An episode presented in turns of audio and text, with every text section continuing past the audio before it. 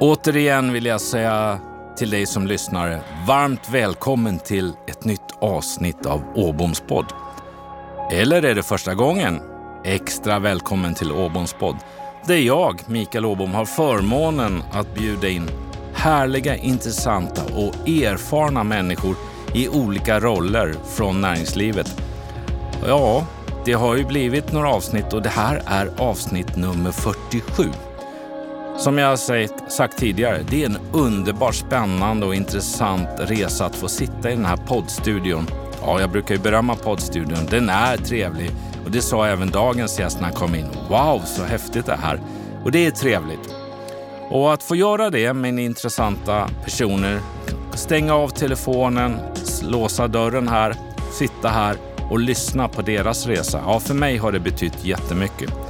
Och det är jag övertygad om att även dagens samtal med min gäst kommer att innebära. Till er lyssnare, framför mig i poddstudion sitter dagens gäst.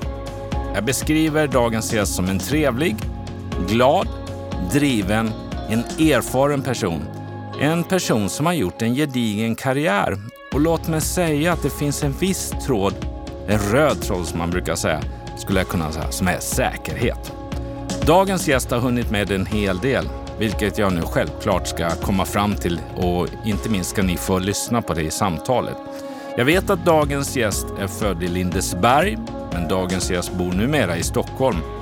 När jag har förberett mig inför det här samtalet så hittar jag en polisutbildning, Bachelor i Law Enforcement. Jag hittar IOM, Bachelor i Business Administration och jag hittar en Executive MBA från Handelshögskolan i Stockholm. Går vi sen över på yrkeskarriären av dagens gäst så ser jag A. Polismyndigheten, Säkerhetspolisen, jag tror det var i hela 11 år. Säkerhetschef Åhlénskoncernen, säkerhetschef på Nasdaq, OMX. Sen ser vi att det går över lite grann mer till bolagsledningen, nämligen VD för Synerco, som det hette vid den tiden, VD för Bravida Fire and Security, VD för G4S. Ser också att det finns en styrelsekarriär här med eh, varit tidigare styrelseledamot i Confidence Sverige, varit eh, eller är styrelseledamot i Enaco Sverige, styrelseledamot i BST Brandskyddsteamet AB, styrelseordförande för News 55 och har varit styrelseledamot i Nordic Level Group för att 2021 växla över och ta över rodret operativt och bli vd och koncernchef för Nordic Level Group. Jag tror jag fångade det mesta. Vi får väl fråga inom kort. Men med den CV-resan, som vi säger, presentation av yrkeskarriären, så säger jag varmt välkommen till dig, ingen mindre än Thomas Lundin.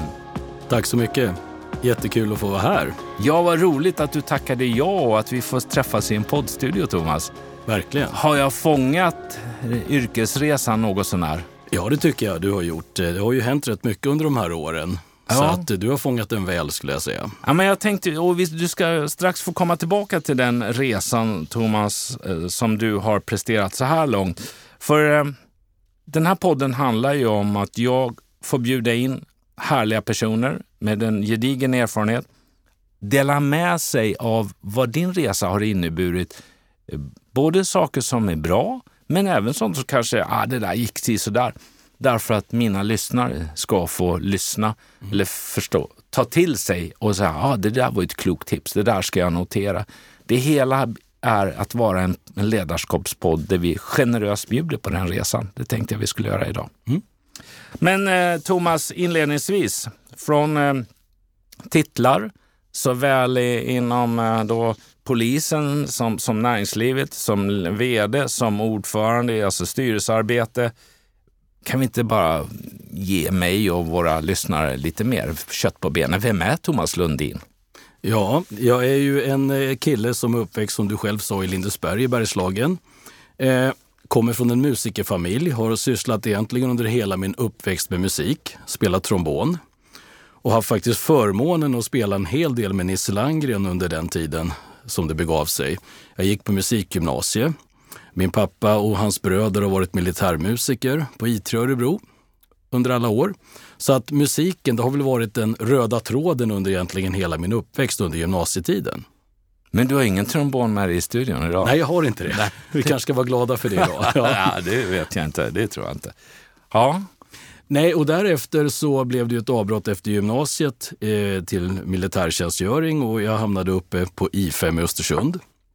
Och eh, åkte mycket skidor och var ute i fält och hela den biten och, och började väl fundera kanske lite grann på, är det musik jag vill hålla på med? Och jag brukar alltid berätta och säga det att det som fick mig kanske att välja en liten annan bana, det var det att i och med att jag då hade haft förmånen att, att spela en hel del ihop med Nisse Landgren på den tiden, så insåg man att det kan inte finnas så många mer än Nisse som är så duktiga och får de här fina jobben. Så att det var väl det som gjorde att jag kanske bestämde mig lite grann för en annan bana. Och eh, av en ren tillfällighet under det här året i militärtjänstgöring så var det några på mitt logement som sådär sökte till Polishögskolan vid den tidpunkten. Och jag hade väl aldrig funderat alls på det yrket eftersom jag hade hållit på med musik hela som sagt min uppväxt och ända fram till 18-19 års åldern. Så gjorde jag det också och kom in på Polishögskolan vid den tidpunkten. Så där startade egentligen en helt annan karriär för mig. Ja. Vad har det betytt för dig att, att eh, komma in eh, i en, en sån verksamhet för att sen gå vidare till näringslivet? Ja, men jag kan väl säga det på en gång. Jag var nog inte riktigt bekväm i det här att kanske jobba då efter mina polishögskolestudier då som polis ute i fält. Jag jobbade i tunnelbanan och det var ju mycket stök och bök på den tiden. Och när jag var ledig Ruke, man hade ju mycket fritid eftersom man jobbade dygnet runt eller hade sån här skifttjänstgöring. Så jag faktiskt eh, började köra taxi och jag jobbade som fritidsombud för att eh, då sälja och boka upp möten för försäkringsrådgivare inom försäkringsbolagen i pensions och kapitalförsäkringar som var väldigt stort och ganska lätt att sälja på den tiden. Så att jag körde på där parallellt under de här åren eh, som jag var polis i början och eh, jobbade faktiskt och visste inte riktigt om jag skulle kanske byta bana eller inte. Så att jag, hade, jag kom i ett vägskäl 1984 där jag faktiskt blev antagen i ett traineeprogram inom Skandia där man då skulle kunna bli så kallad distriktschef för att då sälja pensions och liv och kapitalförsäkringar. Mm. Men samtidigt så blev jag rekryterad och också fick en möjlighet att starta inom eh, Säkerhetspolisen som hette ja, Rikspolisstyrelsens säkerhetsavdelning på den tiden. Och eh, jag var nog lite feg eh, att ta det här steget ut i näringslivet då som ganska ung. Så jag valde egentligen den statliga, fortsätta den statliga karriären, vilket jag absolut inte ångrar utan lärde mig massor att få jobba inom Säkerhetspolisen som sagt i faktiskt nästan 13 år blev det till och med. För att, och Säkerhetspolisen, det är det vi i dagligt tal brukar kalla för Säpo? Ja, mm. precis. Mm. Så där var jag under ganska lång tid och fick jobba med väldigt mycket spännande arbetsuppgifter och träffa mycket spännande människor både i Sverige och utanför Sverige. Vilket också gjorde att jag fick mycket kontakt med säkerhetschefer i det privata näringslivet och i, i, i, även i myndigheter för den delen, men framförallt inom då privata företag som gjorde att jag började känna lite grann, det där kanske skulle vara någonting. Och vad gör man när man är ganska smal under många år i, i sitt uppdrag? Så att jag sökte på en annons som jag såg i Dagens Nyheter en söndag, att de sökte säkerhetschef till Åhléns. Och ja, jag fick det jobbet. Det var det första gången jag skrev ett CV och skickade in och så hamnade jag på Åhléns, vilket egentligen skulle jag säga är starten mycket till min så att säga, näringslivskarriär. För där hade jag förmånen att komma med också i företagsledningen. Så att jag fick ju lära mig en hel del om det här med detaljhandel och ekonomi. Och, Var är vi någonstans i, i uh, årtalen då? 1997 är vi nu. 97? Mm. Hette vdn Bo Linde? Linde, stämmer. Ja, vdn hette Bo Linde. Stämmer mm. det. Mm. För Åhléns. Och sen så böt man vd under tiden jag var där, så jag blev upplyft i ytterligare ett steg när en ny vd kom som heter Bjarne Mum. Just det. Mm. Nej, men jag, var, jag var ju Axel Jonsson. Just det. Och eh, då när jag var med 1996 i Antonia Axelsson Jonssons första mentorskapsprogram, det hette Antonia, det var hon som sjösatt. Då var Bo Linde med som en av mentorerna, mm. 12 stycken mm. av hennes eh, högra händer om man säger så. Precis. Och vi var 12 unga mm. eh, där. Ja, just det. Men Åhléns och Axel Jonsson var ju en fantastisk, det vet ju du också då, en jättebra skola ja. att starta. Och det var väl det som gjorde att jag fick lite vittring på näringslivet och började studera vidare. Mm. Och ville, liksom, då bestämde jag mig ganska tidigt för att näringslivet att komma in och ta också ett resultatansvar mm. och jobba mer med ett större ledarskap, det kände jag som viktigt. Och jag, jag, där bestämde jag mig när jag kom in i den rollen, att det här får vara starten på kanske en helt ny karriär för mig. Vilket det också blev. Det vet man ju aldrig från början, men det blev det. Det blev det. Ja. Ja, vi kommer tillbaka till, till, ehm, till den eh, resan och vad de olika där. För du har ju, man skulle ju kunna säga Thomas, med din erfarenhet så, och, och din nu styrelseerfarenhet som du har både som ledamot och som ordförande, så ändå eh, så kliver du på ett nytt uppdrag här under förra året och ska bygga en ny verksamhet. Kan du inte berätta lite för oss, vad är Nordic Level Group? Nordic Level Group är egentligen en nybyggarkoncern som man egentligen slog ihop då med Confidence som är ett bolag som var börsnoterat. Så att man slog ihop de här två verksamheterna, eller formellt sett förvärvade Conference International egentligen hela Nordic-delen, där jag var ordförande innan och var med. Nystartat bolag 2017 medan Conference startade jag tror att det var 1989, så det har funnits ganska länge som en systemintegratör. Mm. Och jag var styrelseledamot i Conference och jag var ordförande i Levelbolagen. Och sen så valde man att slå ihop de här verksamheterna för att bygga en större egentligen då börsspelare helt enkelt som jobbar med trygghet och säkerhetslösningar i Sverige i dagsläget och är framförallt börsnoterat. Det var inte min plan att bli operativ igen. Jag lämnade ju mitt senaste operativ uppdrag eh, hösten 2016 när jag var vd för installationsbolaget Caverion. Mm. Och eh, efter det så hade jag tänkt att jag mest skulle hålla på med styrelseuppdrag, vilket jag också gjorde. Och jag hoppade in som lite interims-vd i olika bolag och sådär. Men nu när jag fick den här frågan att vara med och verkligen få bygga någonting på riktigt och om man är börsnoterat bolag, det var lite svårt att säga nej till det, även om inte det var planen. Så att Nordic Level Group är ju en koncern inom trygghet och säkerhetsfrågor med allting från säkerhetsteknik till bemannade tjänster och rådgivning. Där vi har som sagt väldigt spännande strategisk plan framför oss där vi ska i steg ett nu nå en miljard i omsättning inom några år. Så att det är en eh, grannlaga uppgift, men den är ja, rolig. Den är och, och, jag kände ju båda bolagen sen ganska många år tillbaka. Conference i fyra år och Level då i nästan fyra år också. Mm. Så att jag, jag var ju ganska van när jag fick frågan om jag kunde tänka mig att ta den här vd-rollen då. Men vad är det då, om du har ändå varit i några år och varit eh, styrelseproffs, om man använder det mm. uttrycket, Thomas, och sen nu kommer du in i det operativa ekorrhjulet. Mm. Nu ska det göras grejer, det ska mm. rapporteras till styrelsen, det ska göra det. Och tittar man på och följer lite på nätet så händer det ju en del. Ni förvärvar, ni slår mm. och jobbar och så vidare. Då måste jag säga, vad har du för drivkraft? För, för det här gör man ju inte med höger tummen liksom. Här går, måste man ju gå all in.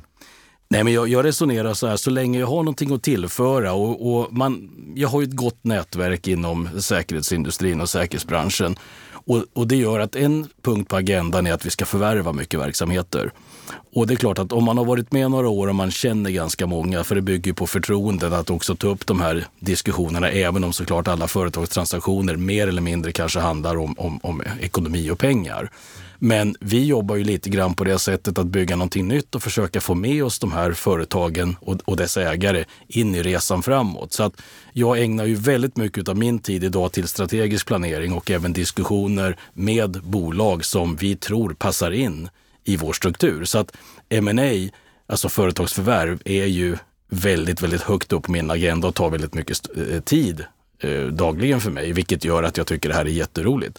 Och inte minst att få vara med och ändå jobba med alla härliga medarbetare som finns. Och se till att förhoppningsvis inspirera att det här är ett bolag man ska jobba i. Vi ska vara en attraktiv arbetsgivare. Vi ska vara lite mer nytänkande och bygga någonting så, som kanske är lite mer modernt. Och, och, där vi faktiskt också lyssnar väldigt mycket på den yngre eh, nya generationen som finns ute i arbetslivet idag. Vad är det som attraherar de personerna idag? Vad, vad bör man uppfylla som arbetsgivare och vad är viktigt i det hela? Så att jag tycker det är lika roligt nu som jag tyckte för 20 år sedan.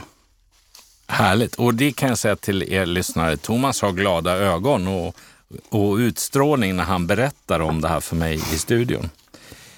Tack och lov säger jag som eh, initiativtagare till podden att eh, det finns internet. För det gör det ju hela lite enklare att googla, som man säger, att hitta lite information om mina gäster.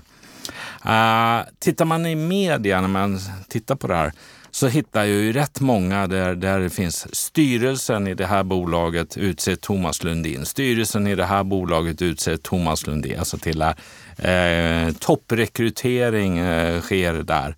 Eh, sen så står det också då att inte Thomas Lundin förvärvar utan det är bolaget du då antingen sitter i styrelsen förvärvar eh, kring det här. Men, men sen hittade jag en sån här skön rubrik som är Vaktbolag vill tjäna IT-stålar. Där, där då, det var när du var på G4S och så vidare. Men det är mycket när man läser, det är tillväxt, utveckling eh, som du har varit med och jobbat med. Mm. Och så var det även på ett etablerat bolag som G4S förstod jag. Mm. Ja, det har det ju varit i stora delar. Eh, GFRS var väl kanske lite annorlunda till en början, ett turnaround-uppdrag där vi skulle skapa lönsamheten och, och, back to basic som engelsmännen sa att det var egentligen det program som vi sjösatte. Att försöka få upp lönsamheten lite mer, vilket vi också lyckades med. Och vi lyckades väl så pass bra så att jag fick också förmånen att sälja bolaget, för man avyttrade ju Norden med undantag för Danmark under GFRS till förmån för emerging markets istället och satsa där. Men eh, det har alltid varit mycket det här att utveckla och inte minst det här med att försöka jobba mer mot digitaliseringstrenden, att teknik ersätter ju till viss del människan idag ganska mm. påtagligt som vi alla vet. Och det har ju varit tidigt innan man har pratat om security as a service under många, många år, 20 år i vår bransch. Och det är väl faktiskt först nu som jag känner att det börjar hända på riktigt. Med tanke på uppkopplade fastigheter och allt vad det är. Mm. Någonting. Så att det ligger mer rätt idag än vad det kanske gjorde. Vi var nog tidigt ute i vår bransch. Okay. Så att utveckling, företagsförvärv och att eh, jobba med affärsutveckling har alltid varit eh, stora delar i, i mina arbetsuppgifter genom åren. I alla de här 20 åren bakåt som jag har varit nu vd då i näringslivet. Så här beskrivs Thomas som eh, vd och ledare i några punkter. Um, om jag frågar någon, som jag har gjort, ja, men det är en person som alltid har många järn i elden. Det är någon, en person som gillar att utveckla. Du pratar om affärsutveckling. Och så är det en person som gillar att det går bra. Det innebär att man ser till att kämpa så att man levererar ett resultat. Det var en beskrivning jag fick av dig. Inte som person, utan mer som vd och ledare hur det är. Um, kan det stämma? Ja, det, det, tycker jag nog. Jag tycker alltid att det är, är, väldigt roligt att man som team också bygger någonting tillsammans och att man också har det kul på den här resan. Det har varit viktigt för mig under de här åren att se till att liksom teamet också är med och får cred för det man gör. Det har varit en viktig ingrediens i, i den här resan. Ja, många järn i elden, det har jag verkligen haft tror jag. Det har man väl fått hört när man har haft de här enskilda medarbetarsamtalen att ibland så kanske man ligger ett par steg före. Så det har jag väl fått lärt mig också under åren, ganska så, så dyrköpt får jag säga, att man kanske måste också backa tillbaka lite grann och, och vara här och nu och inte bara hela tiden ligga ett par, tre steg före som man kan göra som vd ibland mentalt. Mm. Och så tror man att alla runt omkring en hänger med och förstår. Så att det, det, det är väl både en för och en nackdel kanske i, i den personlighet som jag har. Thomas, hur skulle du själv beskriva dig som ledare och vd? Eller yrkesperson? Ja, jag skulle säga det att jag eh, vill lyckas, som du själv sa. Det är viktigt att inte bara jag, utan att det jag leder och det jag gör lyckas. Det är inte så jätteviktigt för mig att tala om att det är jag. Nu har det blivit så väldigt mycket i de här artiklarna du läser upp, för att jag tror att jag har blivit ett ganska välkänt namn inom just den här säkerhetsbranschen och då, då, blir det lätt att man lyfter upp mig då istället för bolaget, vilket jag absolut inte vill själv egentligen. Jag tycker att det är viktigt att lyfta fram den här biten. Men det skulle jag säga en, en stark drivkraft eh, och, och, många järn i elden. Det stämmer också att många saker måste hända. Samtidigt som jag eh, är ganska noga med det här med, med ekonomin. Det vill säga att man har koll på sina siffror och vi vet vad vi gör. För att om vi inte tar steg som vi har planerat så kan det ju också bli lite galet. Så det skulle jag nog säga att entusiasmera också min omgivning skulle jag tro eh, att eh, många skulle säga att man har liksom fått med folk på tåget eller medarbetare, folk ska inte säga det, är ett hemskt ord, eh, medarbetarna, våra närmaste kollegor, mm. att faktiskt eh, tycka att det är kul att jobba och att man tar i det med det lilla extra. Hur är det att ha dig som chef? Jag har inte, ska jag säga, jag har inte ringt och frågat Nej. någon, det är lugnt Thomas. Nej, nej, men jag skulle nog säga det att jag tror att många tycker att eh, det är trevligt eh, och att, det- att det är bra. Jag tror att eh, många kan tycka att det kan gå lite fort. Eh, det hänger ihop det här. Och att man eh, kör på eh, lite grann eh, utan att kanske alltid ha förankrat allting. Det har jag lärt mig mer med åren. Men det var mycket sån feedback man fick när man gör sådana här ni vet, 360-reviewer och annan typ av, vilket har varit väldigt nyttigt. Jag gick en gång, en, eh, det är många, många år sedan nu, det är snart 20 år sedan, så gick jag en sån här UGL-utbildning. Utbildning grupp ledare tror jag det hette. Mm, stämmer. Där jag den fredagen när jag var klar efter den veckan så insåg jag hur kanske tokigt jag hade uttryckt mig under många, många år. När man säger att oj vilken bra vecka vi har haft till ledningsgruppen. Istället för att fråga, istället säga jag upplever att den här veckan har varit bra, vad tycker ni? Det här låter ju helt basalt att ta upp på det sättet, men det här har jag tänkt mycket på genom åren. Att inte bara förutsätta, och många som rapporterar till en eller finns i ens närhet bland medarbetarna vågar ju då kanske inte heller utmana och säga att det tycker inte jag, utan då håller man gärna med. Så att det där tror jag är väldigt viktigt och då skickade vi också vid den tidpunkten hela ledningsgruppen på att gå en sån här UGL-utbildning. Och under de, de åren jag jobbade där så hade vi faktiskt en bättre dialog. Nyttiga erfarenheter. Ja, faktiskt. sig. Ja. Ledarskapet. Om du fritt får berätta om dina tankar. Nu gav du tips mm, just konkret med, med det här med en bra vecka. Men Thomas, det- jag menar utöver att naturligtvis en verksamhet ska gå ihop, plus och minus. Eh, det ska skapas ett resultat. Man kan räkna på, på ett förvärv och vad får vi för en return of invest- investment och så vidare. Och så vidare. Men det är människor som ska vara med på resan och göra det. Mm. Och när jag tänker på mina lyssnare då som några är unga, några är medelålders, några är lite äldre. Några är på väg på en resa. En del har lika mycket erfarenhet som min gäst idag till exempel. Men det är en väldigt blandning Thomas. Men vad skulle du kunna berätta lite grann om dina tankar om ledarskapet som en viktig del i att vara vd i ett bolag? Ja, Jag, jag tror där du är inne på en sak som är viktig. Nu har jag jobbat ganska mycket åt eh, stora noterade bolag eller åt eh, kanske då eh, riskkapitalägda bolag där det också är en konst att hela tiden navigera mellan egentligen ägare, de som man rapporterar till och mot alla medarbetare. Och du frågade lite grann mitt ledarskap. Där skulle jag säga, jag har hört många gånger att du skulle kanske ha blivit diplomat, Thomas. Eh, det kan ju både vara för och nackdelar med, med, med den delen, men jag skulle säga att en del som har varit viktig för mig, det är att hela tiden navigera på ett bra sätt mellan egentligen då min uppdragsgivare och min organisation som ska göra egentligen arbetet. Så att det här med ledarskapet så tror jag det är viktigt att vara tydlig och berätta vart det är man ska, vad vi förväntas att göra, men samtidigt vara då extremt coachande i de här situationerna och se till att, och det är helt okej att göra fel. Jag menar, vågar man ingenting så kommer man ju aldrig att lyckas. Så att jag menar, om man gör konstant fel, ja det här är ju klassiker, så blir det ju inte så bra. Men jag tycker att också våga och lyfta upp unga personer som har den personligheten som man tror eller som man bedömer är viktig för företagets resa och utveckling. Det skulle jag säga som ett tips att lyft gärna upp unga medarbetare idag. De är otroligt duktiga och drivna och kan så mycket mer än, vad man kanske vid första anblick tror att de kan leverera och utvecklas. Så att det har väl jag försökt att göra också, att lyfta upp. Plus att jag har aldrig heller varit rädd för att omge mig med sådana personer som jag skulle säga är betydligt mer kompetenta än vad jag är i vissa delar. Det kan ju många vara rädda för att göra, men jag har försökt i alla år som jag har varit vd så har jag inte dragit mig för att anställa väldigt duktiga personer som i princip skulle kunna ta mitt jobb. För det har varit en sån här filosofi jag har haft att jag menar, då kommer vi lyckas. Har jag ett starkt team runt mig, Våga lyfta upp yngre medarbetare som vill någonting och är ambitiösa, men också rekrytera personer som är bättre än dig själv inom många områden. Då tror jag att man blir väldigt, väldigt stark som företagsledning. Kloka ord. Som bolagsledare idag, 2022, så har vi också två områden, vet jag inte om det är rätt rubrik Thomas, men vi pratar väldigt mycket hållbarhet, alltså en hållbar värld, en hållbar omvärld. Vi pratar värderingar eh, som egentligen handlar om kulturen i de här. Mm. I de här. Hur, hur har du jobbat som bolagsledare med de två områdena?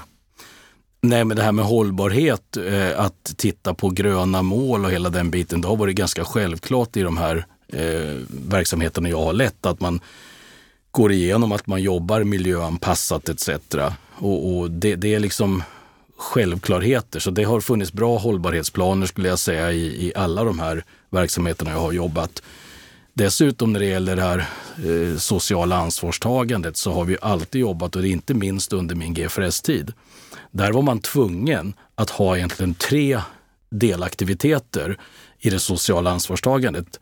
GFRS tycker jag var ganska härligt på det sättet, för man hade en mission.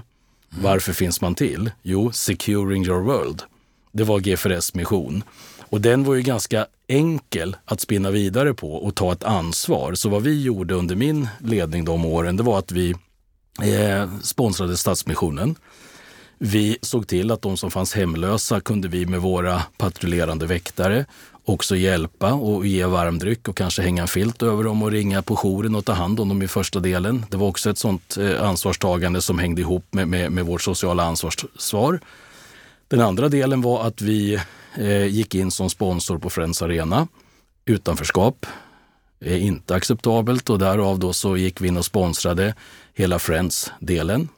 Och eh, för det tredje då så valde vi också Barncancerfonden därför att barn är vår framtid. Så där gjorde vi ett antal aktiviteter. Så att vi kom faktiskt med. 2013 så fanns vi med i GFRS globala CSR-bok eh, som det hette på den tiden. Så att det här med, med hållbarhet utifrån det perspektivet, att liksom säkra vår framtid, var ju mer tydligt med, med den typen av utanförskapaktiviteter. Medan det mer och mer har gått över till det här också med att se till att vi har en, en planet som kan finnas kvar. Mm. Och det har ju blivit väldigt tydligt under mina år i Naco som bygger datahallar, mm. hur viktigt det är med liksom, låga energiförbrukningar och, och dra ner alla sådana här saker och se till att vi har hållbarhet. Om jag tar det tillbaka till G4S då, um, Securing the World. Mm. Your, your, World. Your World mm. var, var missionen. Mm. Och, och då kan man ju säga, ja men det är ju storkoncernen, eh, headquartern mm. går ut med det. Men vad ni gjorde så bröt ni ner det och faktiskt gjorde verksamhet av det, mm. missionen, och gjorde mm. konkret någonting som kunde vara nytta. Och så gjorde ni det i några olika steg med mm. några olika samarbetspartner. Hur, hur för, för man ut det i en organisation, tänker jag då, så att organisationen, medarbetarna mm. förstår mm. det här är viktigt, det här ska mm. vi vara stolta, det bygger arbetsgivarvarumärket, mm. det bygger kundvarumärket. Mm. Hur gjorde ni där? Ja, vi, vi gjorde ju olika aktiviteter i samband med de här eh, delarna där vi bjöd in faktiskt. Och vi, jag hade en blogg, så vi hade en vd-blogg där jag skrev liksom regelbundet om vad vi gjorde i de här delarna. Om vi tar Stadsmissionen så hade vi alla våra väktare i storstäderna delade ut mat också på Lucia. Där vi åkte då och så gjorde vi vissa stationer och stöttade upp den biten och det syntes ju och då var ju alla medarbetare högst involverade i det hela. Vi hade ju också ett stort uppdrag för Friends Arena så att det här blev ganska naturligt. Och, och Barncancerfonden så gjorde vi ett antal aktiviteter där vi berättade om det här. Vi gjorde utskick till våra kunder och våra medarbetare också i samband med jul och sådana saker så att vi, vi lägger också årets julklapp på de här sakerna. Så att det skulle jag nog påstå att det, det var nog hyfsat uh, förankrat i organisationen där man förstod att det här ansvarstagandet tog vi. Thomas, jag gillar verkligen vad jag hör mm. och, och det börjar ju för mig att lyssna ge en bild om vem är dagens gäst och hur, hur, hur smal eller bred är mm. dagens mm. gäst i sitt sätt att ta ansvar och leda bolaget och, mm. och, och, vilken roll har bolaget i en omvärld? Mm. kan man säga. Mm. Kommunikation, du pratar om vd-blogg. Mm. Då tänkte jag nästan, är du bra på att kommunicera som bolagsledare? Både ja och nej skulle jag säga. Ibland så får man ju liksom kanske tvinga sig själv till att vara lite mer kommunikativ. Men om, om man tittar det som jag har haft gemensamt, jag har alltid försökt att ha en blogg. Jag har försökt att vara också en synlig ledare. Nu har det ju varit lite mer tricky, nu har inte jag varit så länge sen. Är man styrelseledamot som du vet, ordförande eller ledamot, så har man inte riktigt samma kontakt, även om jag har försökt mm. att vara ute och träffa. Men det blir på ett annorlunda sätt att tillhöra en styrelse. Och nu är det några år sedan jag var operativ vd och jag klev på här igen då, kanske mitt i, i en pandemi. Men just det här med synliga ledarskapet och finnas där och vara med ute i uppdrag och andra saker, det har väl varit en del som jag alltid har prioriterat. Och det här handlar ju om att man vill gärna visa att man faktiskt också förstår vår verksamhet. Man vill vara med och hjälpa till och bidra och lyssna på medarbetarna. Så att det synliga ledarskapet skulle jag påstå är en del av mitt sätt att kommunicera. Jag noterar. Mm. Det här är ju lika mycket för mig som lyssnare. För jag sparar ju alla, mm. det har jag ju berättat ja. många på. Det. det är ju en fantastisk mm. eh, jag får med mig ett verktyg mm. tillbaka och får läsa igenom. Mm. Så jag noterar. Jag, jag, jag måste berätta en annan sak som jag inte hade tänkt på någon gång, men det var ganska roligt. För några veckor sedan så åt jag lunch med en person som har funnits i, i, i mitt nätverk. Eh, vi har aldrig jobbat ihop, men som funnits i mitt nätverk i många år. Och så var vi och käkade lunch och så berättade den här personen att han gärna skulle vilja börja jobba med mig och i Nordic Level Group. Och, och då frågade jag liksom, ja, hur kommer det sig och vad, vad bygger det på? Då sa han så här, för några år sedan, när, när du, eh, för vi sitter nämligen i en gemensam styrelse, och då sa, hade jag sagt till honom så här att när vi kommer till företaget där styrelsemötet var där i verksamheten, Se till nu att kom en halvtimme tidigare om det inte finns tid. Gå ut och hämta kaffe, gå runt och hälsa och ta alla i hand eller åtminstone visa att du ser alla som finns där. För hela organisationen vet att styrelsen kommer komma. Och det klassiska som jag lärde mig the hard way på GFRS när våra kära och, och, bra engelsmän för övrigt kom, så kom de med sina små trolleys och så in i konferensrummet och sen ut i taxin. Och alla visste att man hade ledare där på en högre nivå. Och det hade inte jag ens tänkt på. För mig var det så naturligt att självklart när man kommer så går man runt och säger hej och frågar hur man mår och kanske får höra någonting i verksamheten. Och det, det blev jag glad över att få höra att den här personen sa. Det var egentligen det som gjorde att jag gärna skulle vilja jobba med dig. Det är ju ett härligt, liksom, en, en, en naturligt något som sitter både i ryggraden och magen i dig, sätter ett starkt avtryck på en person. Mm. Som då säger, det är inte bara det tipset, den personen förstår ju att Thomas har kopplat ihop både hjärta och hjärna när han mm. leder bolag eller sitter i en styrelse. Mm. Det är ju det betyget mm. den ger. Jo, men man har ju själv varit där under många, många år och, och man har liksom sett sina chefer komma och gå och man tänker bara den där blicken eller bara liksom hej och man kanske till och med vet vad personen heter. Det betyder så oerhört mycket om man liksom kan lägga in den lilla aspekten i sitt ledarskap. Ja, det är tydligt. Och då kommer jag till en, eh, en slutsats som du får utveckla och säga, nej, stämmer eller stämmer inte. Men på det sättet, Thomas, är du en ledare med alla de uppdrag du har haft, stora bolag och olika delar, så är du ändå en ledare som står med båda fötterna på jorden och förstår olika individer, medarbetares viktighet så att säga och, och ser dem i de här delarna och har lätt för att prata om du kliver in i en hiss eller ett fikarum. Mm. Absolut. Ja. Du pratar gärna och träffar och... Ja, ja, men det gör jag gärna. Jag försöker för att det här är inte någonting som jag lägger mig till med utan jag är faktiskt genuint intresserad också av mina medarbetare och de medarbetare som finns runt omkring. Liksom vet jag att någon ska åka till fjällen nästa vecka eller något sånt där så kanske man pratar lite om det eller någonting. För det är inte för att jag vill göra mig till och det, det märker också organisationen om man gör sig till, utan det här är helt naturligt. Jag tycker det är viktigt att man liksom lär känna varandra så gott det går.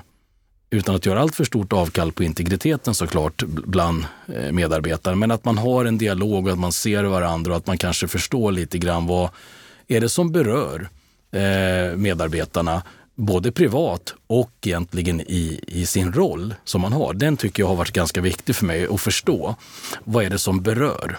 Jag kan berätta en liten anekdot från när jag kom som ny vd till GFRS. Ja, gärna.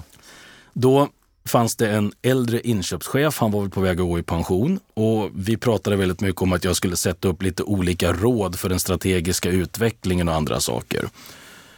Och då tog han mig åt sidan och så sa han så här, Thomas, en sak ska du tänka på. Fokusera på det som berör våra medarbetare. Och i det här fallet så hade vi väl nästan 3000 väktare utöver alla tekniker och annat vi hade i verksamheten. Så säger han så här, det som berör det är såklart vilka arbetskläder man har, att man har skyddsutrustning så att man kan känna sig trygg i sitt arbete och att man har bilar som man vågar köra med ute på stan när man kanske jobbar 24-7 i den här verksamheten. Det var en sån här liten start på den här biten för mig att förstå att man kanske Självklart ska man prata om strategier och de stora målen som kanske talas om i styrelserum. Men ska man få med sig en organisation så bör man komma väldigt nära det som faktiskt berör den enskilde medarbetaren. Uppdragets utformning, kontrakten, man arbetar i att de är intressanta, att de utvecklar och att man som arbetsgivare och som vd för en verksamhet ser till att man också bidrar till att det finns bra arbetsredskap. Det har jag tagit med mig i alla, alla år. Där höll jag på att gå lite fel faktiskt, där det gick fort fram och så skulle man prata mer om en stor strategisk utveckling, vilket också var viktigt. Men skulle man få med sig organisationen så bör man också prioritera det som är viktigt för den enskilda. Och det tror jag man många gånger som ledare och inte minst i stora bolag missar. Att börja med de stora penseldragen, du får inte, de lyssnar inte, öronen Nej. är stängda då. Mm. Men om, du, om de har sett att du bryr dig om deras vardag i den här verksamheten, mm. då, får du, då har du förtjänat respekt, så här. då får du respekten. Mm. Och då lyssnar de bättre när du kommer mm. med det. det. Och som man brukar säga, allt vatten rinner uppifrån. Aha. Och bestämmer man sig för att man ska ha ID06 runt halsen, ja men har inte jag det så kommer ju ingen annan Nej. Ja, vissa kommer ha det, men Nej. det där handlar ju om att bygga en kultur i verksamheten. Du lyssnar på Åboms podd. Åboms podd är producerad i nära samarbete med tidningen Butikstrender Sveriges största branschmagasin för dig som jobbar i dagligvaruhandeln och servicehandeln. Styrelseinstitutet. För dig som önskar hjälp med utbildning och rådgivning inom styrelseutveckling och bolagsstyrning. Och Red Means Go. En professionell studio för poddar och ljudböcker med personligt engagemang. Och då kommer jag ju osökt in på kultur och värderingar. Hur, eh, alltså det jag pratar om, men kulturen sitter i, i väggarna. Jag har varit i verksamheter, kommit in där kulturen dessutom har varit gjuten i betongen, alltså i golvet. Det är liksom kultur. Och så ska du jobba med värderingar där du vill göra egentligen, som ny ledare också, kanske, eller ny ledare, men kommer in och, och gör en förflyttning. Hur, hur svårt och, eller hur enkelt eller utmanande är det att liksom bygga kultur och jobba med värderingar i en verksamhet? Den är ju tuff. Det, det, skulle jag verkligen vilja säga. Och framförallt nu har ju jag, med undantag för Nordic Level Group som är en ny kan man säga en startup 2017 som nu har blivit ganska stora och är på börsen. Men om vi tittar på alla gamla verksamheter, som, eller tidigare verksamheter jag har arbetat i, så är det ju företag som har funnits i många, många år. 1964 så bildade man det allmänna bevakningsaktiebolaget ABAB. Och det var ju egentligen grunden till det GFRS som man ledde under mina år där. Vilket också innebar att det fanns ju fortfarande en, en kultur som var kvar i den biten. Och jag, jag brukar säga en del sa så här, men när det var statligt då var det inte så mycket på den tiden kanske tal om ekonomi och, och, och lönsamhet och den biten, utan då såg man till att man fixade det som uppdragsgivarna ville ha. Men det där insåg ju jag ganska snabbt att så länge man inte talar med och förklarar, för det tror jag att många gånger när man är ledare, man sitter i en, företagsledning eller om man är vd, så tror jag att man förutsätter att alla förstår och vet.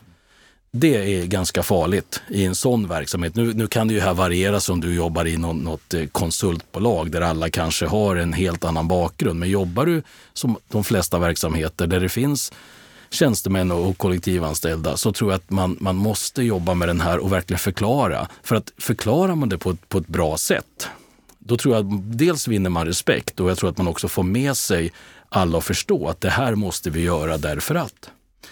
Och det kan ju tyckas vara lite tråkigt att man ska behöva liksom gå ner på sådana detaljer och förklara, men jag tror att det är oerhört avgörande om man ska lyckas. Att man i hela ledningsgruppen och att alla chefer, oavsett vilken nivå man är på, chefer, ledare, också är tydliga i den här kommunikationen varför vi måste göra vissa förändringar eller varför vi gör de här sakerna på det sättet.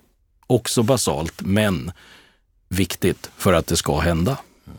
Har du sett förflyttningar där du har kommit in, där ni har verkligen jobbat med att förklara varför, där du har fått med ledningen, där, där chefen har kommit med? Har du sett då sker det någonting också. Ja, det skulle jag ju säga. Det finns ju några exempel på det där man har sett att man framförallt det, det, det viktigaste mätetalet när man har kommit in och det kanske har varit i någon form av turnaround situation. Det är att man lyckas växa och man lyckas att förbättra sin lönsamhet. Det är ett sätt. Men jag säger det återigen, att förklara, ett förklarande ledarskap utan att man liksom dumförklarar någon, för det är ju fullständigt galet att göra. Men att man liksom hela tiden för en dialog. Också fråga, vad är viktigt för dig på den här arbetsplatsen? Vet du vad som är viktigt för mig, säger jag då? Det är att det här sker. Hur ska vi kunna lösa det här tillsammans? Det kan vara en, en, en bra dialog man kan få om man också ger den tiden. Thomas, och till er lyssnare då som har hört det här många gånger det jag säger att jag brinner för de unga människorna. Och någonstans tror jag att det bottnar i mig själv. Min resa som eh, började i en familj där, där liksom jag, jag berättade ju när jag fick vara gäst i min egen podd att, att jag att få dela på en pizza med mamma och pappa en söndagkväll. Jag var sladdis och de tre äldre syskonen var utflugna. Det var en fest för vi hade det väldigt knapert. och så kan jag ju tänka att om jag hade fått lite mer, för min, mina föräldrar hade en helt annan resa så att säga och inte ja, den ledarresa som jag har gjort. Och därför brinner jag lite grann också för de unga. Och alla behöver ju inte ha gått eh, och gå på ja, fina utbildningar. Man kan ju jobba sig på olika sätt. Mm. Och då tänker jag på de här unga personerna, Thomas. Vad skulle du med din gedigna erfarenhet, både av att leda och att utveckla eh, och, och den resa du har gjort, vad skulle du skicka med för konkreta tips till unga personer som nu behöver hjälp? Famla lite kanske för att ta nästa steg. Mm. Att våga skulle jag säga och att vara de de är. Det tror jag är jätteviktigt, att man inte förställer sig på något sätt utan att man alla har en drivkraft och ett kall på något vis. Och att man faktiskt också, det man tror på ska man satsa stenhårt på. Det visste inte jag då när jag hade möjlighet att bli eh, komma in i det här programmet som distriktschef. Då var jag feg för jag trodde inte på mig själv. Men jag hade genomgått massa tester och uppenbarligen så skulle jag kunna blivit en bra säljare inom försäkringsbranschen. Men jag visste inte det själv och jag vågade inte riktigt. Kanske var lite för försiktig. Och det här är ju en fin balans däremellan. Men jag skulle säga att våga ta lite större uppgifter, lite större utmaningar faktiskt. Eh, om man famlar och att man ska lyssna på sin magkänsla. Och man blir ju jäkligt duktig om man, om man, om man jobbar med det eller satsar på det som man tycker om. Mm. Det vet vi alla i det här klassiska. Förstärk det som du är himla bra på istället för att kanske lägga all fokus på att förändra det du är mindre bra på. Som vd kanske man måste göra allt av det här, men, men, men det har jag lärt mig ändå med åren. Förstärk verkligen det som du är duktig på. För då kommer du bli ännu bättre och då har du möjlighet att bli världsmästare inom situationstecken. Har du någon sån avgörande, någon händelse eller någon erfarenhet i din resa som har betytt lite extra mycket för de olika? Eh, nu måste jag tänka lite då, vad som skulle kunna betytt extra mycket. Den, den är lite svår, jag måste tänka, jag kan komma tillbaks till den. Ja. Eh, det är klart att det finns många händelser och eh, delar i, i, min karriär som har såklart betytt någonting och gjort att, att jag har tänkt till. Men eh, jag får passa på den lite så länge. Vi tar dina drivkrafter mm. under den tiden. Nu får du både tänka ja, och svara. Ja, det är en utmaning. Ja, absolut. absolut. men, men vad, är det, vad är det som gör att jag har möjligheten att sitta i en poddstudio idag med dig, Thomas, och få prata om din resa? Vad är, vad är drivkraften? Vad är det som gör att du hoppar upp uh, ur sängen varje morgon och gör det här och kämpar? och har presterat det du har gjort. Det kanske låter knäppt att säga, men jag skulle nog säga att det här med, med jobbet eller mitt yrke är nog en väldigt betydande del av mitt liv egentligen. Jag, jag, jag, ser inte faktiskt mina jobb som att jag går till ett jobb. Jag ser det som en del av min livsstil. Det har jag nog gjort genom alla år. Det kanske låter jättekonstigt att säga på det sättet, men för mig har det aldrig varit jobbigt att gå upp i sängen överhuvudtaget. Att liksom gå till ett jobb eller, eller till ett uppdrag eller någonting. Det har bara varit helt naturligt. Och det är väl det som också är baksidan av myntet, att man måste också sätta liksom gränserna för hur mycket man är engagerad. Jag har hittills i alla fall inte blivit sjuk för att jag har jobbat för mycket eller någonting sådana här saker som det är lätt med utbrändhet och saker. Mm. Därför att jag tror att jag får energi också av att arbeta och, och, vara med i de här olika dialogerna. Men det gäller att hitta den här balansen såklart också, mm. att, att ha ett bra fritidsliv. Mm. Vilket tidvis har jag väl inte jag alltid haft det, men eh, har blivit mycket bättre. Min bild av, av, dig, för vi kan väl avslöja då att jag, jag, har, jag har träffat dig några gånger. Jag, en gång har jag träffat dig på golfbanan till exempel. Ja. Jag vet att du, det finns lite livsnjutning i ja, Thomas jo Lundin. Jo, det gör det. Det gör det. det gör det. Spelar golf, jag har cyklat en hel del. Ja. Jag har faktiskt cyklat i Paris. Ja. 2013. Vad kom det sig?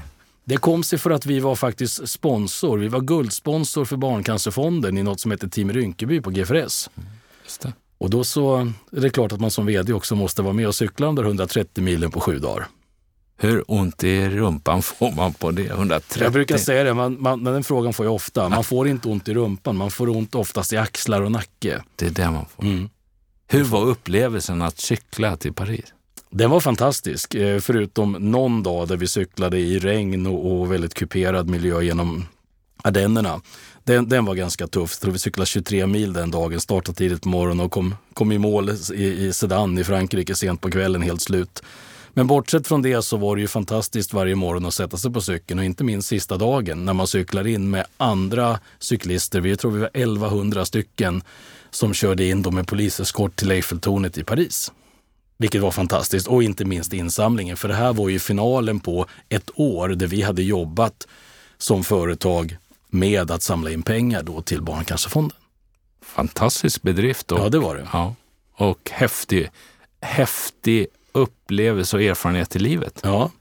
Och det här med, med, som du är inne på, med ungdomar, det har alltid intresserat mig också. Jag tror att det här är någonting som behöver verkligen justeras i många av våra bolagsstyrelser idag att den unga digitala kompetensen måste komma in. Jag brukar säga det till många av, av mina eh, vänner att jag har två barn, eller vi har två barn, jag och min fru, som, som eh, är 31 och 33.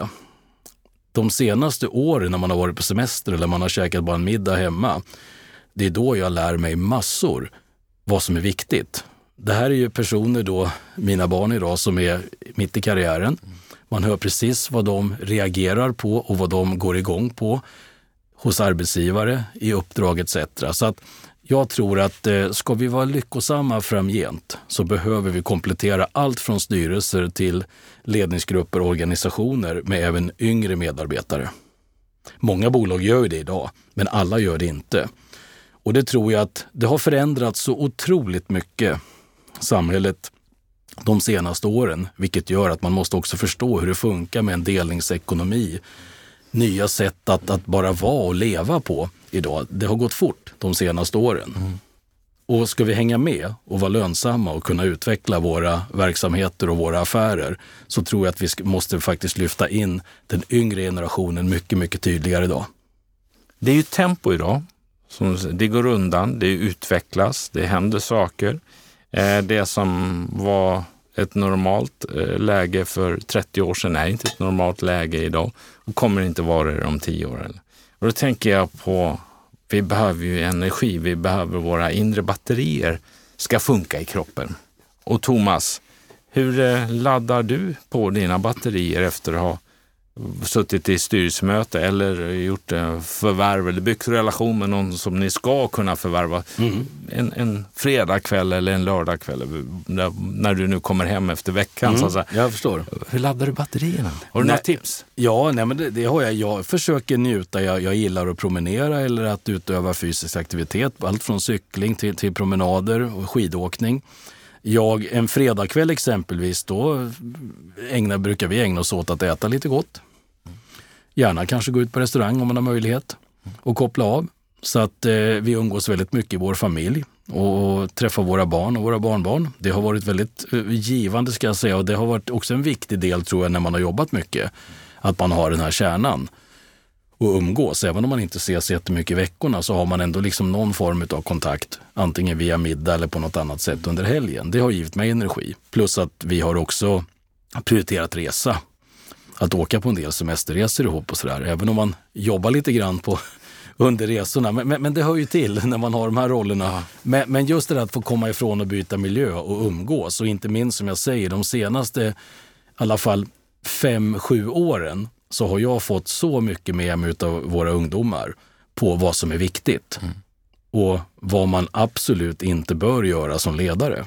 Men, men jag tror det man har lärt sig också med åren lite grann, det är väl det att man behöver inte vara uppkopplad jämt och man kan faktiskt svara på andra saker mm. eller på vissa delar lite senare. Det tror jag också är en sån där man får med sig lite med åldern, även om man har lika mycket energi nästan i alla fall lika mycket energi nu som man hade för 20 år sedan, så, så lär man sig, man blir ju mer erfaren. Mm.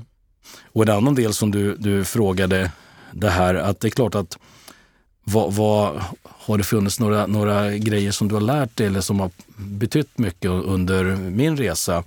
Så skulle jag nog säga det att jag har vid flera tillfällen fått förfrågan då om nya uppdrag till exempel VDG för S då, som var ett stort uppdrag att ta, eller VD för Caverion eller man har fått något styrelseuppdrag, man har gått in som ordförande var jag i, i, i ett, en stor investering som ett eh, riskkapitalbolag gjorde.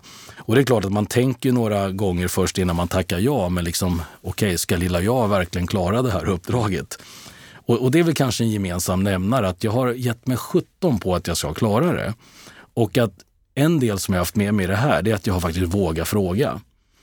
Man kan inte allt och det, när man är lite yngre så är det väldigt lätt det där att man inte frågar vad betyder det där eller hur förhåller det här sig? Vad, det har jag försökt att, att vara nyfiken.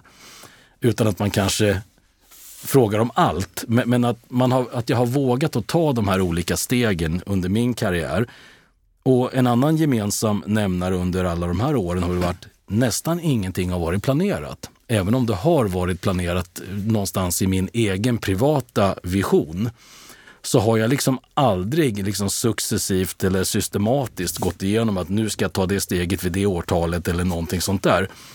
Nästan hela min resa fram till idag har blivit för att det har dykt upp möjligheter eller tillfälligheter eller någon har sett något och frågat. Så att det är inte jag som har planerat jättemycket även om jag bestämde mig, Åhléns återigen vår gemensamma nämnare med Axel Jonsson som var en, en, en, en väldigt fin koncern att arbeta i. Då bestämde jag mig och sa att jag vill nog bli vd i ett bolag. Säkerhetschef som jag var vid den tidpunkten är jättebra arbete och viktigt arbete, men jag skulle gärna vilja ta ett större ansvar. Och så tänkte jag lite grann, för det hette GFRS Falk på den tiden, så tänkte jag någon gång för mig själv, tänk om jag skulle kunna bli vd för GFRS. Och det blev jag. Så jag var faktiskt tvungen att köra runt kontoret med bilen en kväll när jag hade fått skriva på kontraktet att jag skulle få det här jobbet. Och så stannade jag bilen på kvällen så tittade jag upp på den stora skylten utanför och så tänkte jag så här, herregud, det här funderade jag på när jag var säkerhetschef på Åhléns och nu är det sant. Och, och, sånt där, det kan man ju glädjas åt. Mm. Och det har ju varit viktigt att man också blir väldigt glad över det här man gör. Och sen så inser man ju dagen efter vilket ansvar man har mm. och vad man måste då leverera. Ja. Men jag har inte varit rädd för att ta mig an de här typen av uppgifter i något sammanhang. Och, och hittills har det ju gått i alla fall hyfsat okej. Okay. Helt klart har det gjort det. Det förstår jag. Och inte varit rädd för att ta de här stegen. Nej. Operativ VD, koncernchef, chef där, styrelse. Det är, man har ju två olika roller där. Idag med din erfarenhet och och jag menar, idag är du både så att säga, operativ vd där och så sitter du i några styrelser. Mm. Balansgången mellan att säga, åh, nu är jag inte vd. Här finns det ju en vd som rapporterar till styrelsen mm. där jag är ledamot eller ordförande. Hur funkar det? För du har ju, samtidigt har du en stor erfarenhet av att vara vd, vilket gör att du förstår vad hon eller han sitter i för utmaningar och ansvar mm. och, och funderingar och så vidare. Samtidigt så har du också det ah, men vi gör så här. Mm. Det har jag gjort där, men det är ju vd så. Alltså, mm. Balansgången där. Mm. Jag tänkte vi skulle komma in på det lite grann i mm. slutet av vår, mm. vår podd idag. Mm. Jo, men och, och, i de första uppdrag jag fick som styrelseledamot då, så, och inte minst när man sen kanske blir ordförande, så får man nog nypa sig lite i armen och tänka på att jag kan inte vara delaktig i allt och jag kan inte ställa frågor om allt. Och det är helt riktigt det du säger att det är ju en svår balansgång till en början när man har suttit som operativt ansvarig i de flesta frågor som man är helt involverad i. Så ska man helt plötsligt då liksom bli den här strategiska eh, organisationen som liksom i princip då ska bevaka ägarnas intressen och se till att man liksom utför det här operativt. Mm.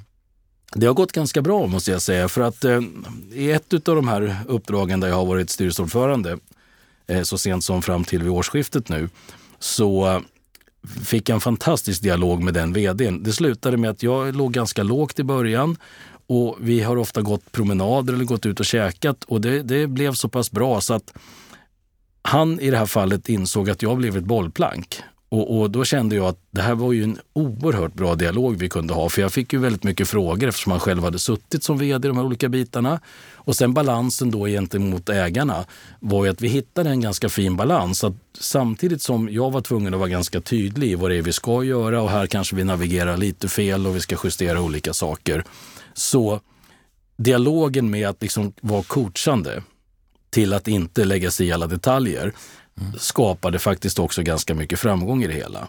Och det här beror ju också på vilken, vem man arbetar för som, som styrelseledamot eller som ordförande. För det kan ju bero lite grann på vilken ägarstruktur man mm. har. Men rent generellt sett så skulle jag säga att där ska man vara coachande och stöttande. Man ska ju egentligen tala om vad det är vi ska åstadkomma för någonting. Huret får ju ligga någonstans nere i, i, i det operativa. Och att man, jag tror att man inte får följa upp alldeles för mycket om det inte bolaget är inne i någon rejäl turnaround-fas eller någonting. Mm. Förstår. Så det, det, har ju också varit otroligt lärorikt eh, att eh, sitta med i styrelser och, och få vara ordförande som jag varit i två styrelser också. Jag är förresten den tredje, jag är ju nu också i, inom seniormarknaden med News 55. Ja, vad är det för bolag? Det är ett bolag som eh, skriver ett nyhetsbrev till seniorer, alltså plus 55, alltså 55-åringar. Där man berättar som startades av Arthur Ringart och Fredrik Lundberg som är börsnoterade. Okay. Så att jag är ju ingen mediamänniska som du vet utan mm. jag blev invald som ordförande i styrelsen här i våras, eller förra våren, för att eh, man ska satsa lite mer aggressivt på M&A och mm. utveckling. Och då ville man ha en person med min bakgrund. Okej. Okay. Så att det här är som sagt 55-plussare då som faktiskt är en oerhört stor målgrupp idag. Mm. Jag brukar skoja och säga de nya ungdomarna. De som reser och har råd, råd att göra roliga saker. Det här är ju en ständigt växande marknad, mm. seniormarknaden, så att det ligger helt rätt i tiden. Annorlunda uppdrag för mig som har jobbat med installation, facility management och säkerhet genom åren. Men otroligt spännande. Mm. Det förstår jag. Mm. Och finns nog också ett, ett väldigt stort intresse för, för, eh, alltså, för den målgruppen, eller från den målgruppen mm. skulle jag säga. Nu har jag ingen exakt data på det, men man säger ungefär att två tredjedelar av Sveriges förmögenhet ligger ju idag hos 55-plussarna. Vilket innebär att köpkraften och påverkanseffekten är ju enorm i den gruppen. Mm. Då säger vi att ehm, till oss som har passerat 55 precis, eller för ett tag sedan, eh, vi, kan man ju gå in och eh, se, se, lite grann och se vad News 55 är. Absolut. Det är tips från dig. Det är ett starkt tips från dig. Starkt tips. Ja. ja. Eh, men då, lite grann till, till det här med din roll då. Alltså, du blir som med din erfarenhet från den operativa resan med bolag du har gjort, börsbolag, stora internationella koncerner till svenska verksamheter, eh, så har du möjlighet att också vara då en, en mer förstående coach till i rollen som ledamot till en operativ mm. vd. Mm. Och det tror jag är viktigt mm. i styrelsesammanhanget också. Mm. Att inte bara ställa massa finansiella krav, att också finnas där och bolla. För alla, oavsett hur gamla eller erfarna vi är, så behöver man ju som vd också ha ett bollplank. Man kan ju välja att ha det utanför en styrelse, men jag tror ju väldigt mycket på det här att om man är involverad och man liksom har en sån öppen dialog så tror jag att det blir bäst. Det blir bäst. En helt annan fråga som jag också vill hinna med Thomas, för man blir lite nyfiken. Säkerhetspolisen. Polisen, Säpo, mm. låter ju väldigt häftigt. Mm. Men om vi, om vi lämnar liksom allt hemligt du fick mm. vara med om där mm. då, eh, och, som är, och som är viktigt för Sverige, så tänker jag bara på kulturdelen, alltså värderingar, kulturresan. Ser du en stor skillnad från då en stor statlig eh, verksamhet till, till eh, näringslivet? Ja, det, det gör jag. Den är ju lite svår att jämföra på det sättet. Men det skulle jag väl säga liksom att en, en, en statlig myndighet på det sättet har ju liksom en, en struktur, har ju tydliga regelverk och, och, och, där är det ju liksom lite mer strömlinjeformat såklart. Och alla vet hur man bör bete sig och man, man, man måste bete sig i de här sammanhangen. Det finns ju lite mer så att säga fri, fria möjligheter eller andra möjligheter när man kommer ut i näringslivet såklart. Även om det här med, med governance och hela den biten är, är, betydligt mer påtagligt idag än vad det var för 20 år sedan. I, I alla fall den typen av bolag jag har rört mig i. Är det lika spännande och häftigt som vi som inte har varit på insidan kan tro? Alltså det som jag har arbetat med skulle jag säga är väl inte eh, så spännande som man kan tro. Man har väl sett lite filmer på tv och sånt där. Jag misstänker att du tänker Hamilton och alla andra sådana här personer. Något sånt där kan eh, ja. säga, Thomas. Ja, det är nog inte riktigt så det ser ut. Men däremot så ska jag säga att de åren att arbeta med de eh, delarna som man gjorde inom Säkerhetspolisen så lärde det mig otroligt mycket. Och jag tror också att man lär eh, lite vem man själv är som person och sätta in eh, ett antal saker i sitt sammanhang. För det här är ju liksom säkerhetspolitik och andra delar som man arbetar med. Vilket har varit otroligt intressant och, och, man kommer nära en central statsledning, man kommer nära massa olika personer som man inte kunde drömma om när man växte upp i Lindesberg. Ja, att man skulle kanske vara i närheten... När du spelade trombon Ja, när jag spelade trombon. När man skulle vara i närheten av en statsminister eller någon annan i olika sammanhang. Så att eh, Självklart har det bidragit till mycket och jag skulle nog säga det att de åren som jag hade inom, inom myndighetsvärlden har nog också bidragit en hel del både till mitt ledarskap och till den person jag är idag. Thomas, efter det här timmens samtal så har ju jag och mina lyssnare fått en bild av vem Thomas är, men vi har också fått lyssna på din resa. Vi har också fått konkreta tips. Jag kommer snart tillbaka till det. Den vi inte har, har pratat med eh, för att få en beskrivning om, om dig som ledare, nej, inte om dig som ledare, utan om dig som person. Då. Mm. För det är ju ändå, som du sa, drivkraften för dig, alltså jobbet är en livsstil, det har mm. det varit hela tiden. Mm. Då kommer jag osökt att tänka på din fru. Mm. Om jag ringer henne när du går mm. härifrån, mm. innan du hinner träffa henne, och så frågar jag henne, kan inte du för mig beskriva Thomas? Vad skulle hon säga då? Då skulle hon nog säga att jag är väldigt engagerad i det jag gör. Och att eh, jag borde kanske tänka på att eh, eh stänga ner datorn lite tidigare på dagarna. Och kanske vara lite mer närvarande. Det här låter ju väldigt löjligt att ta upp, men, men, men det är nog så det är. Mm. Jag tror inte jag är ensam om att få höra det om man frågar sin, sin eh, man eller sin, sin fru om de frågorna. Det är nog ganska vanligt när man har den här kanske engagemanget. Ja. Jag har ju förmånen just nu att vara emellan kan man säga. Mm.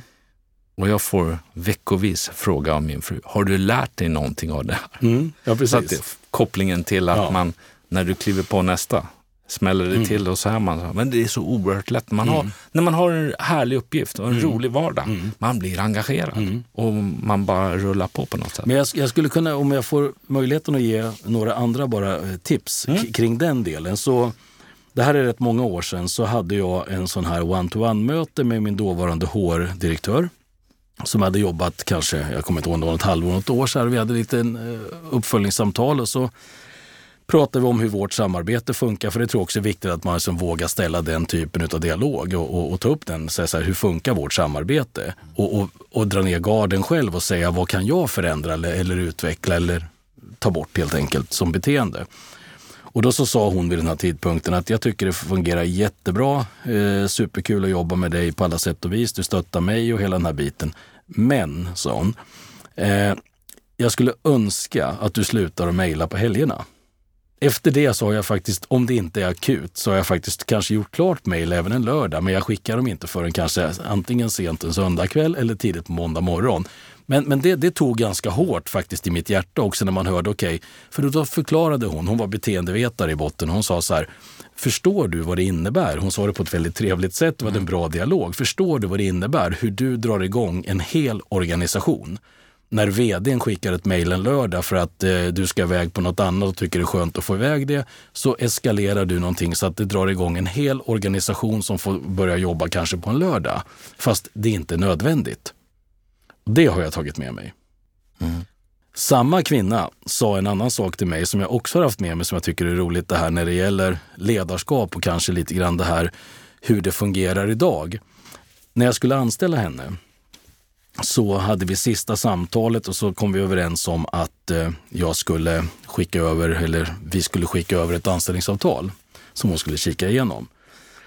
Då säger hon till mig också det att, men det finns en sak som är kvar. Där nu är vi överens med villkor och alltihop den här biten, men det finns en sak till som vi måste liksom få check på, sa hon. Jaha, vad är det då, sa jag.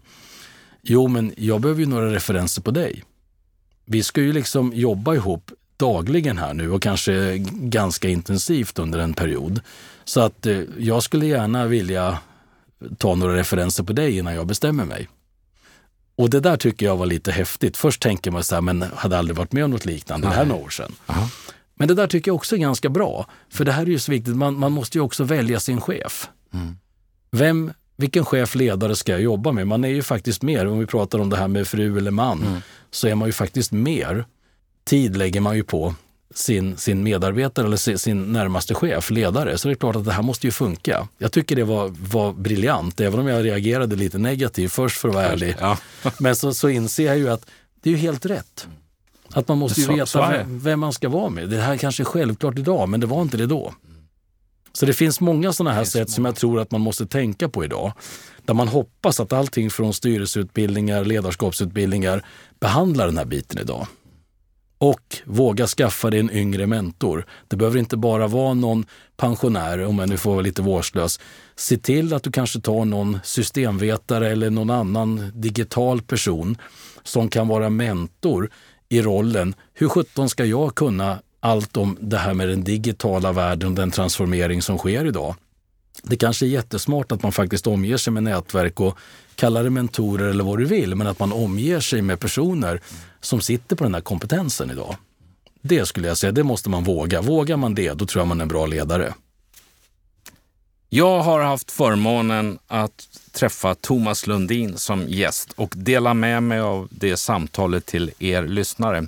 En gäst som är född och uppvuxen i Lindesberg i en musikfamilj där han själv var en fena på en trombon.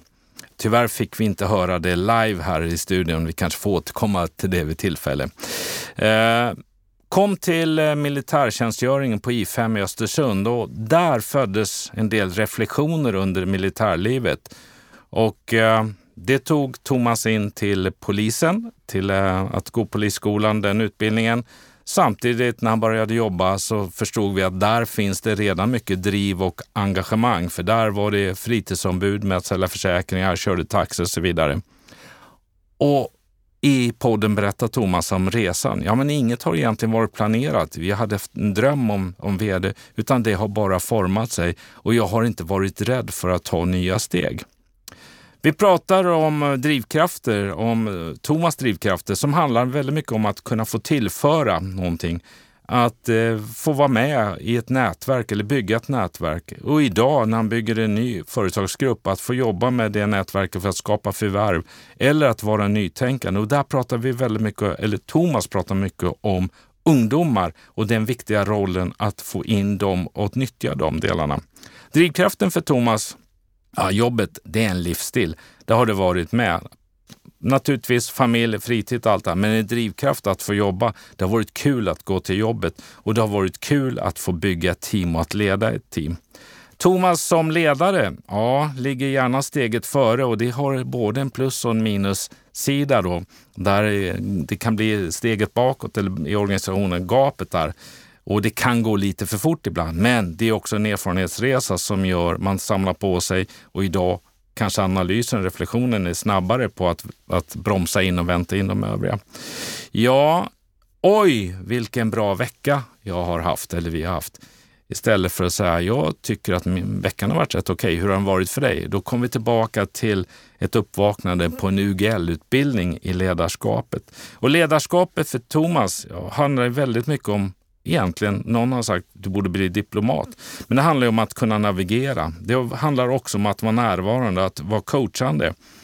Och det är okej okay att våga, för ibland blir det fel. Man kan inte liksom stanna av bara för rädslan att göra fel.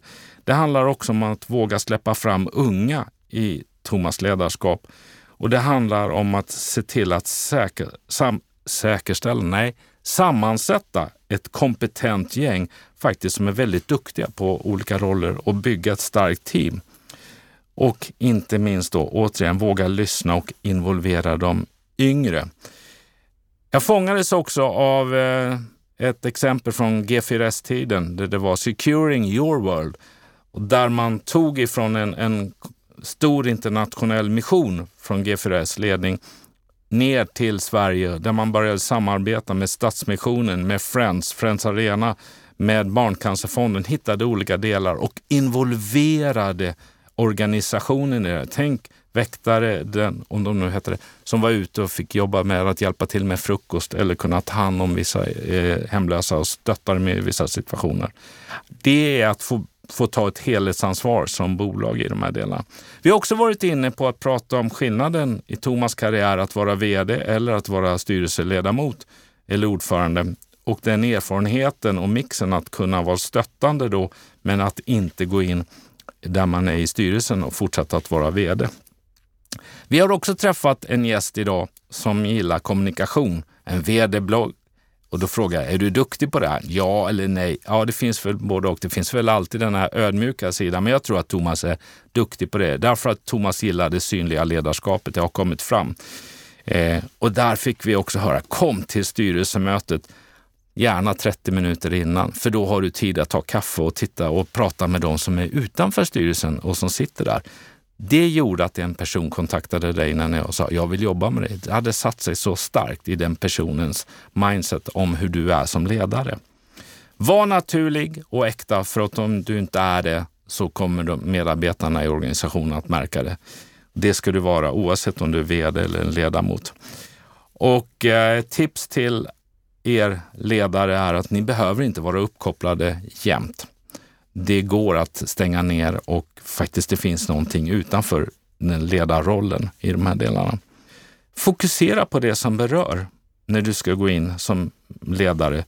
Därför att, och då menar vi, eller Thomas menar, det som berör just de medarbetare du träffar. De kanske inte alltid bara ville höra en VDs stora penseldrag och strategi, utan om bilar är ett verktyg för dem, eller skyddskläder eller vad det nu är för någonting, så är det viktigt. Och en VD, en ledare, bör förstå det.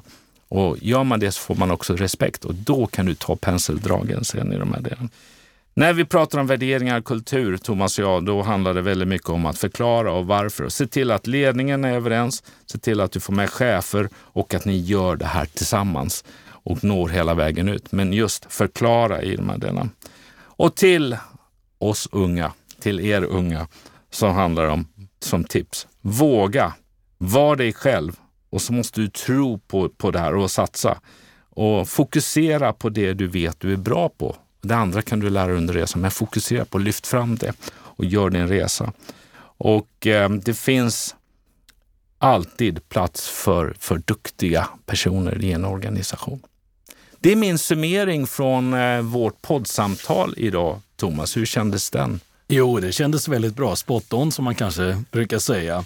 Jättekul att få vara här. Det är första gången som jag är med i en podd överhuvudtaget. Ja. Jag lyssnar en del på poddar, men eh, första gången jag deltar. Hur känns det att vara som sagt var i Åboms podd? Ja, det kändes ju som vilket samtal som helst med dig Mikael. Eh, tiden flög iväg precis som du sa innan. Så att, nej, men jättekul att få vara med mm. och hoppas som sagt att eh, några delar av det jag har varit med om under min karriär kan vara med och bidra och hjälpa andra att ta sina steg framåt. Jag har skrivit inför podden att jag tror att jag kommer att träffa en gäst som kommer att vara öppen. Jag kommer att träffa en gäst som har erfarenhet, en gäst som är trevlig och är glad och så är han kommunikativ. Vilket gör att det här blir ett spännande och intressant samtal för lyssnarna att lyssna på. Jag tycker mitt betyg är, det blev så Thomas. Tack. Hör du Thomas, eh, oerhört tacksam för att du satte av tid att eh, komma hit till poddstudion, dela den här stunden tillsammans med mig och våra lyssnare till podden.